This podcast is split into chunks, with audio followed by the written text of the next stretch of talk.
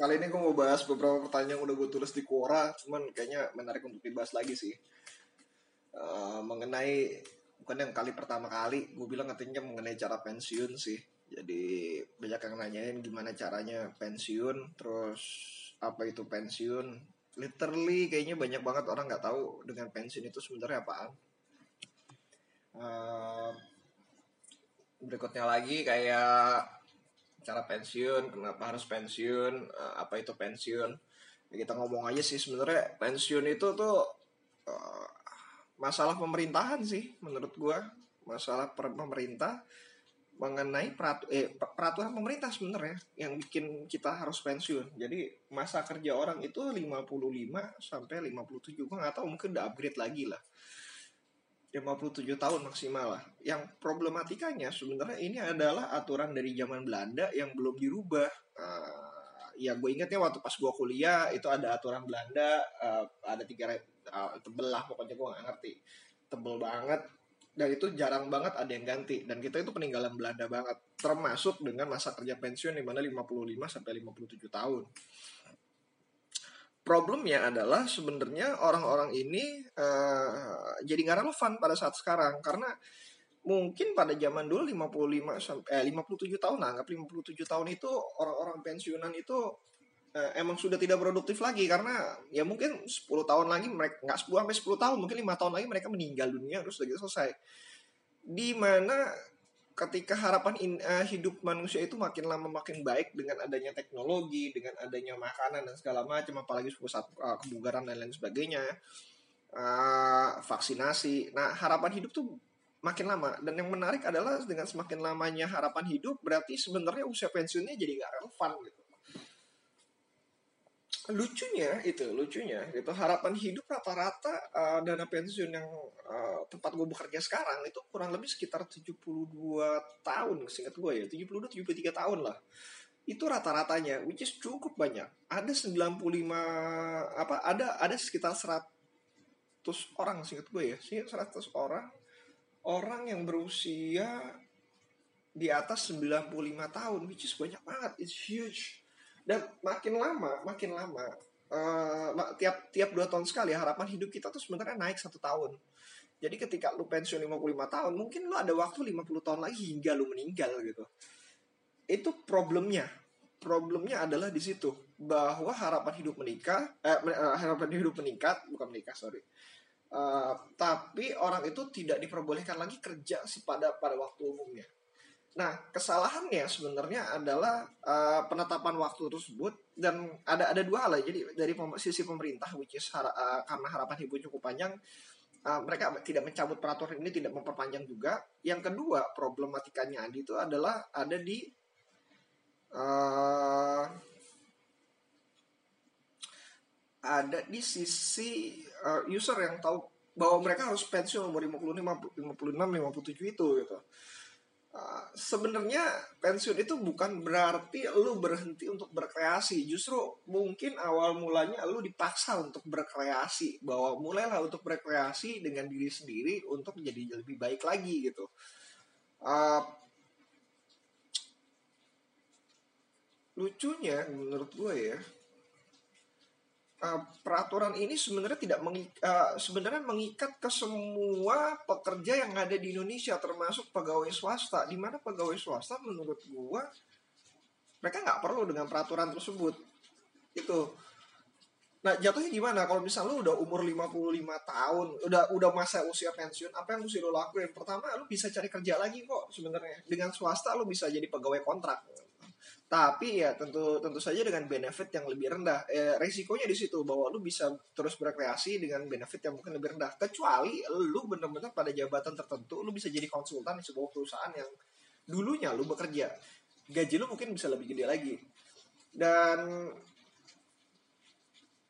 uh, ya itulah awal mulanya ketika lu bisa mulai berkreasi di mana banyak waktu luang yang bisa lu dapatkan dengan penghasilan yang mungkin menurut gua bakalan jauh lebih tinggi ketika kalian sudah melakukan masa pensiun. Syaratnya kalian harus breakthrough dari kalian sendiri, mungkin dipersiap, dipersiapkan dari sekarang untuk menghadapi uh, masa depan di mana uh, masa depan di mana kalian itu sebenarnya punya banyak sekali pilihan. Jadi pilihan kalian gak, gak terbatas. Kalian kehilangan pilihan mengenai uh, bekerja normal, tapi pekerjaan-pekerjaan yang dulunya sebenarnya nggak ada itu mulai mulai akan mulai hadir gitu. Jadi kalau misalkan kalian bekerja di aset manajemen, kalian bisa jadi konsultan misalkan bidang keuangan, bikin perusahaan keuangan ataupun jadi konsultan lepas gitu. Uh, untuk beberapa engineering, beberapa konsultan, uh, beberapa konsultan itu sebenarnya adalah orang-orang yang sudah pensiun. Mereka cukup lama bekerja di engineering tersebut sehingga ilmu mereka tuh uh, cukup banyak dan kalaupun dilepas itu bakal mengganggu stabilitas dari perusahaan tersebut. Jadi mereka menjadi konsultan. Jadi menurut gua ada dua hal yang mesti dipersiapkan. Pertama adalah skill set kalian. Bahwa orang-orang yang pensiun tersebut itu adalah Eh, orang-orang uh, yang bisa melanjutkan karir bisa juga melanjutkan karirnya mereka.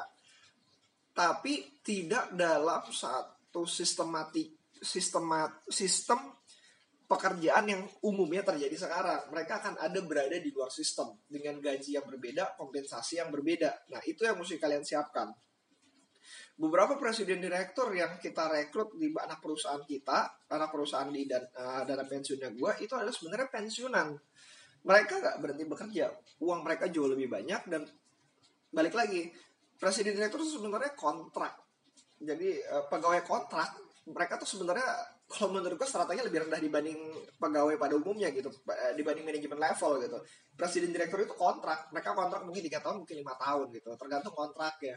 Dan mereka bisa beri panjang atau enggak. Dan itulah uh, skill set yang harus kalian miliki gitu ketika kalian mau pensiun Uh, jadi mesti persiapan apa tadi? Pertama adalah skill set kalian, kedua adalah uang gitu. Nah, uang untuk pensiun menurut gua uh, ini rada-rada tricky ya.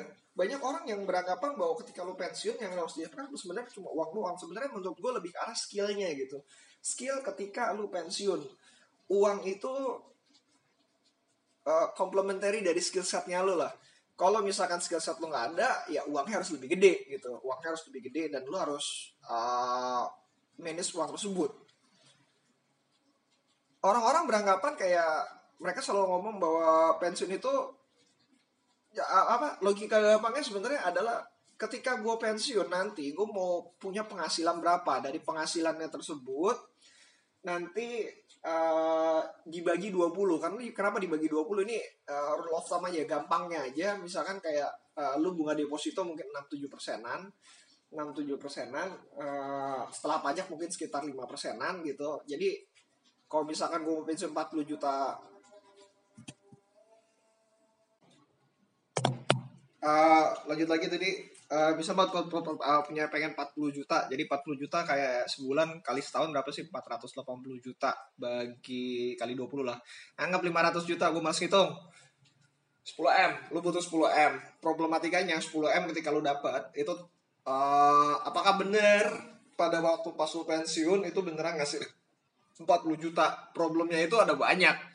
Pertama uh, gaya hidup gaya hidup itu skill set sendiri bahwa lu mau dengan gaya hidup uh, uh, dan menurut gue bener sih waktu pas gue gue masuk ke kerjaan di mana gaji gue cukup lumayan uh, gaya hidup tuh naik. Gaya hidup tuh naik yang problemnya itu bukan gara-gara naiknya itu bukan gara-gara sekitar ataupun segala macam gitu.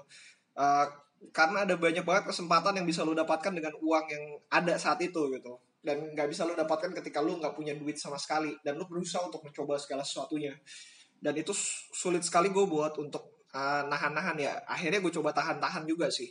Itu skill set tersendiri. Terus kalau misalkan seandainya ke, kalian kehilangan semuanya uh, dari penghasilan-penghasilan tersebut ya anggaplah ya kalau lu punya 4 pengen 40 juta lu pengen 10 miliar biasanya untuk mendapatkan 10 miliar gaji lu pasti lebih gede dibanding itulah. Lu kayak punya gaji 1 miliar setahun kali gitu atau 2 miliar setahun. Dan which is dengan gaya hidup 2 miliar setahun beda lah dengan uh, tiba-tiba lu turun jadi dua dari 2 miliar jadi 500 nah itu skill set sendiri gimana kalian harus menahan hawa nafsu kalian untuk uh, pansos atau untuk beli barang-barang yang sebenarnya uh, pengen doang gitu bukan butuh tapi pengen doang. Uh, cari jalan gimana caranya supaya gaya hidupnya kalian nggak nggak meningkat gitu. Itu yang pertama uh, kedua dari masalah duitnya tadi uh, emang pasti yakin dapat 5% gitu. Uh, orang ngomong oh, deposito aja deposito 5% ya 5% sekarang gitu. 20 tahun 30 tahun lagi mungkin Indonesia ya gue berharap Indonesia oke okay lah jangan jauh lebih baik dan segala macam bunga mungkin nggak sampai 5% mungkin 3% gitu.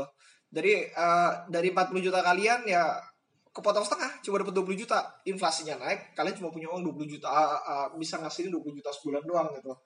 Cukup. Uh, belum tahu juga kan. Nggak nggak itu juga. Jadi deposito ataupun uh, ekonomi kondisi ekonomi ke depannya juga kita nggak bisa prediksi. Uh, itu itu sulit ya gitu. Itu sulitnya. Jadi uh, untuk ngomongin bahwa kalian pengen pensiun dengan uang berapa itu sebenarnya sangat sulit untuk diprediksi apalagi kalau misalnya jalan, uh, kalian masih muda 20-30 tahun Uh, terus udah gitu pengen pensiun di usia 25, uh, 55 atau 56 57 gitu lah. Mungkin kalian punya waktu punya waktu 25 sampai 35 tahun. Dan itu sangat waktu yang sangat lama dan kalian susah sekali untuk uh, memprediksi keadaan ekonomi kayak gitu. Ketika kalian bilang katanya oke okay, sekarang gue butuh 10 miliar, mungkin kenyataannya kalian butuh 20 miliar gitu. Uh, itu problematika yang keduanya uh, tadi apa? Pertama adalah gaya hidup yang susah untuk diturunin. Kedua adalah masalah kondisi ekonomi ke depannya kita nggak bisa prediksi dan segala macam. Uh, itu menurut gue yang paling krusial sih. Kalau kalian mau mikirin pensiun. Bagi teman-teman yang udah pensiun, mungkin menurut gue dia udah pernah ngejalanin sih. Gue berharap kalian bisa share dengan dengan kita bagaimana kehidupan kalian setelah pensiun dan apakah benar-benar sesuai dengan apa yang ada di bayangan gitu. Ya, problem yang ketiga adalah beberapa direktur gue, even direktur gue ya, direktur gue gue kerja di, di industri di mana berhubungan sama duit, direktur gue juga gak siap untuk pensiun. Dia baru mempersiapkan pensiunnya, selain duit pensiun yang akan diterima oleh dia, di mana sudah disisihkan oleh perusahaan, dia sebenarnya menyisihkannya itu baru lima tahun terakhir dan dimulai dari dua tahun yang dua tahun yang lalu. Jadi men itu waktu yang cukup deket banget gitu. Waktu waktu yang cukup singkat untuk mengumpulkan uang gitu. Di mana ya emang gajinya sih gede. Tapi untuk mengumpulkan dari yang pengen dia raih itu bakalan cukup rumit gitu. Bakalan cukup rumit dan bakalan cukup sulit. Jadi uh, itu problematika di mana orang-orang mau pensiun nih kayaknya jelek-jeleknya doang ya pensiun itu. Uh, tapi ini gue wajib sampaikan sih sebenarnya itu problematika yang sebenarnya terjadi di industri uh, di bukan industri sorry di, di masyarakat di Indonesia bahwa masyarakat Indonesia itu nggak siap untuk pensiun. Dan ketika mereka pensiun mereka nggak tahu sebenarnya mau ngapain lagi. Karena uh, boring men. Pensiun itu boring. Kalian punya waktu 50 tahun lagi hidup terus udah gitu nggak tahu mau ngapain itu boring abis gitu. Kalian harus cari jalan. Jadi mulai dari sekarang sebenarnya yang perlu disiapkan bukan masalah duit duit kalian bisa siapkan tapi gue nggak yakin akan terkejar. Uh, kecuali kalian mulai dari dua uh, umur 20 atau 25 dan benar-benar uh, menyisikan sebagian besar uang kalian gitu untuk uh, pensiun. Yang sebenarnya lebih gampang untuk dilakukan adalah siapkan skill set kalian untuk menghadapi pensiun. Karena itu yang sebenarnya bakalan berguna dalam kehidupan setelah pensiun. Bukan uang yang kalian dapatkan. Terus yang kedua adalah masalah target. Jadi gue baca bukunya Money by Robert uh, Robert lagi sorry. Uh, Tony Robin sorry. Robin bukan Robert by Tony Robin bukunya Money by Tony Robin sebenarnya yang paling menarik di bukunya tersebut kalian sebenarnya harus setup goals, setup goals mengenai apa yang sebenarnya pengen kalian dapatkan. Itu jauh lebih achievable dibanding kalian uh, bilang katanya, oh gue pengen hidup dengan angka sekian gitu. Setup goal mengenai apa yang pengen kalian kalian uh, achieve. Jadi yang paling menarik di buku itu adalah itu. Karena kenapa? Setup goals itu tuh sebenarnya di di buku tersebut dijelaskan apa yang yang lucunya ya sebenarnya karena bahwa manusia itu terlalu terlalu tinggi setup goalsnya. Mereka nggak tahu ke lapangan itu seperti apa. Jadi banyak banget orang yang mau setup goals bilang katanya oke okay, lu pengennya apa? Uh, pertama mereka pasti ngomongin kayak ini dari besakan wawancara Tony Robbins ya. Mereka banyak kan minta uh, billion dollar. Oke okay, gue pengen punya billion dollar uh, duit semua ya bukan dalam bentuk aset billion dollar dalam bentuk duit uh, which is rada sulit even a billion dollar man itu nggak bentuknya duit bentuknya aset gitu bentuknya aset dia hargain satu billion nah billion dollar karena mereka pengen melakukan A B C D E. Gue pengen punya pulau, gue pengen punya helikopter, gue pengen punya pesawat, gue pengen traveling ke mana apa uh, apa gue pengen punya rumah dan segala macam. Itu yang mereka setup. Itu yang ada di sebelah uh, apa di sebelah impiannya mereka. Jadi gue mimpi punya billion dollar karena gue pengen melakukan hal ini ini ini ini. ini. Oke, akhirnya di breakdown mimpi lu dari billion dollar itu sebenarnya apa aja? Tadi mau punya pesawat, punya helikopter, punya pulau, which is it's true loh. Maksudnya ada orang pengen punya pulau, uh, pengen punya rumah mewah, terus pengen ke mana pun gitu. Nah intinya di situ ada. Dan mereka breakdown lagi. Ternyata kalau misalkan komponen-komponen tersebut digabung, even doesn't have to be a billion dollar. Harga pesawat tuh nggak banyak mungkin 100 juta dolar lah gitu. Gua gua uh, I give it a random random lah uh, random numbers gitu. Helikopter mungkin di bawah itu uh, rumah mewah mungkin nggak sampai 100 juta dolar mungkin sekitar 20 juta dolar doang gitu. Dan mereka diajak untuk uh, melihat realitasnya gitu bahwa impian kalian tuh nggak sebesar itu dari situ dicek lagi Lu butuh pesawat buat apaan? Lu butuh mobil buat apaan? Lu butuh rumah buat apaan? Jadi mereka cek lagi mimpinya. Oh ternyata gue butuh pesawat karena gue pengen traveling uh, keliling dunia gitu. Sekarang kalau misalnya lu mau traveling, lu mau traveling berapa kali sekali, uh, berapa, berapa setahun berapa kali sih gitu. Even dengan frequent uh, frequent flyernya aja, ini orang-orang yang uh, rasional ya. Jadi kayak bukan orang-orang yang pengen banget travel super super duper pengen traveling, jadi normal lah. Ya kayak mungkin enam kali lah setahun enam kali. Jadi sebulan dua kali mereka pengen keluar negeri dan mereka harus nyiapin dananya tersebut. Dia bilang katanya di, dikasih lihat berhubung Tony Robin ini lumayan tajir jadi dia sebenarnya punya pesawat punya pulau. Punya pesawat dan punya pulau. Dan dia bilang katanya pertama biaya maintenance dari pesawat itu tinggi dan lu kalau misalkan cuma traveling enam kali setahun jauh lebih bagus mendingan beli first class dan first class harganya nggak mungkin sampai 100 juta dolar. Even in the whole lifetime yang mereka nggak mungkin sampai 100 juta dolar. Dan itu bakalan turun. Itu mulai turun. Jadi dari situ ternyata ketika sudah di breakdown sedemikian rendahnya mimpi kita ketika waktu pas pensiun dan kenapa kita harus mempunyai duit sebesar itu itu jauh lebih rendah dibanding perkiraan kita itu yang pertama mesti diketahui. Yang kedua sebenarnya adalah kita lebih dekat sama mimpi kita dibandingkan sebelumnya.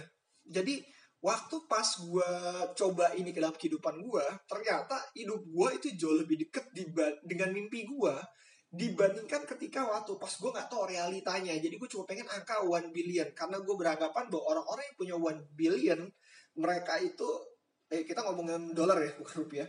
A billion dollar man uh, itu mereka jauh lebih happy. Mereka nggak mikirin duit dan segala macem. Dan gue ketika pada satu uh, titik tertentu gue menyadari bahwa iya duit gue tuh cukup untuk hidup. Mungkin uh, untuk seumur hidup dengan gaya hidup gue yang sedikit turunkan lagi uh, whole life nggak perlu lagi yang namanya bekerja tapi ternyata problemnya selalu ada gitu. Problem mungkin nggak butuh duit tapi problemnya berbentuk hal yang berbeda dan gue nggak bisa menghilangkan problem-problem tersebut. Even menurut gue ketika duit gue bertambah problem ini mungkin nggak bakalan hilang.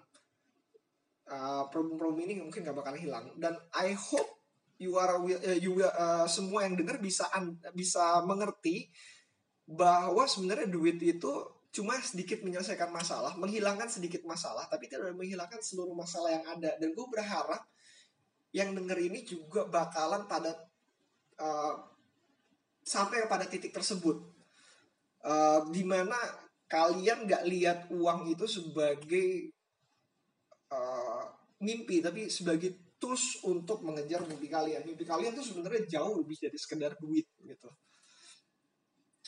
Nah itu yang kedua. Kedua mengenai uh, apa tadi? Mimpi. Bahwa pertama mimpi kalian nggak sebesar itu kalian lebih dekat dengan mimpi kalian. Yang ketiga dari semua yang gue bicarain bahwa duit itu sebenarnya nggak menyelesaikan masalah kalian juga gitu. Kalian nggak akan tahu ekonomi bakalan ganti atau enggak tapi uh, gue saranin untuk melakukan apa yang tadi gue ceritakan bahwa kalian list mimpi kalian. List mimpi kalian. Dan jangan dalam bentuk duit gue pengen punya duit a billion dollar enggak. Tapi benar-benar list sebenarnya apa yang sebenarnya pengen kalian lakukan.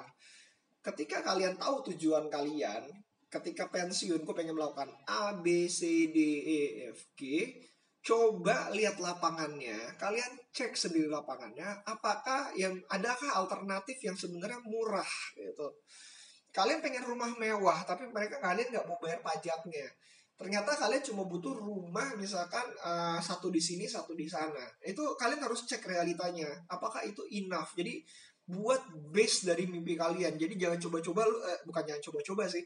Jangan bikin mimpinya itu yang wah dulu gitu. Kalian punya mimpi wah oke okay, nggak masalah tapi coba dari mimpi yang paling rendahnya dulu. Seandainya punya mobil, apakah worth it mempunyai mobil tersebut? Apakah kalian senang dengan traveling gitu? Apakah kalian cuma pengen uh, merasakan mobil itu semua? Uh, jujur gue pengen coba untuk merasakan kayak Lamborghini, Ferrari dan segala macam. Uh, tapi gue nggak mau untuk membelinya karena gue tahu alternatif yang lebih murah adalah dengan cara menyewa langsung di uh, menyewa menyewa Ferrari tersebut. Gue bisa merasakan happy-nya, tapi gue nggak perlu merasakan yang namanya maintenance-nya. Itu yang paling menarik. Even gue bisa mencoba beberapa mobil sekaligus dengan seri yang berbeda-beda. Jadi itu yang sebenarnya gue incar. Jadi gue nggak butuh yang uh, dari gue. Mungkin gue untuk gue gue nggak butuh dengan kepemilikan mobil tersebut mengenai pemilikan rumah gue lebih suka untuk rumah yang produktif jadi either way gue pengen punya rumah cuman gue pengen sewain. Gue gue sendiri masih pengen ngekos karena itu jauh much more convenience dan menurut gue uh, lebih murah dibanding memiliki rumah gitu. Uh, dan gue bisa saving lebih banyak lagi. Nggak tahu kalau misalkan gue nikah mungkin uh, shifting lah. Gue mungkin pasti akan ada berubah mesti ada beberapa mesti diperhatikan gitu. Nah terus itu yang ketiga. Coba exercise yang tadi deh gitu. Nah, jadi poinnya dari semua orang-orang yang mau pensiun itu kalian harus siapkan sebenarnya masalah skill set kalian ketika pensiun apa aja sebenarnya kalian again. Terus uh, menurut gue yang kedua uh, nggak perlu deh uh, pengen hidup di angka berapa segala macam. Coba setup goals dengan uh, quote and quote realistis tadi gitu. Exercise yang tadi setup goals di mana kalian pengen hidup seperti apa dan apa yang pengen kalian lakukan ketika dalam masa pensiun. Dari situ kalian bisa melihat apa saja step-step yang harus kalian lakukan. Karena menurut gua ya, menurut gua sekarang ketika gue sedang membaca buku money tersebut, gue merasa bahwa uh, tujuan gue mungkin New York gitu. Tujuan gue mungkin New York dari Jakarta. Tapi kenyataannya sebenarnya nggak harus di New York ternyata gue lebih suka dengan New Zealand gitu. Kalian nggak tak uh, kalian cuma pengen tahu mimpi kalian bahwa oh seperti ini tapi kalian nggak tahu ada alternatif lain yang ternyata jauh lebih murah dan mungkin mungkin ya buat gue sendiri jauh lebih happy dibanding dengan mimpi kalian di awal. That's it for today mengenai persiapan masa pensiun uh, yang mau pensiun uh, siap-siap dengan pensiun kalian. Tadi uh, ingat dua hal siapin skill set kalian. Nggak perlu namanya kalian berhenti untuk berkarya kalian bisa berkarya di mana pun juga. Kedua uh, breakdown mimpi kalian. Coba cek harga dari mimpi kalian. Dan kalian gua rasa bakal amazed bahwa mimpi kalian tuh jauh lebih murah dan jauh lebih achievable dibanding sebelumnya. Uh, see you again next time. Uh, kalau misalnya ada pertanyaan di Quora gue juga bisa. Uh, di bayutabusala@gmail.com uh, see you again next time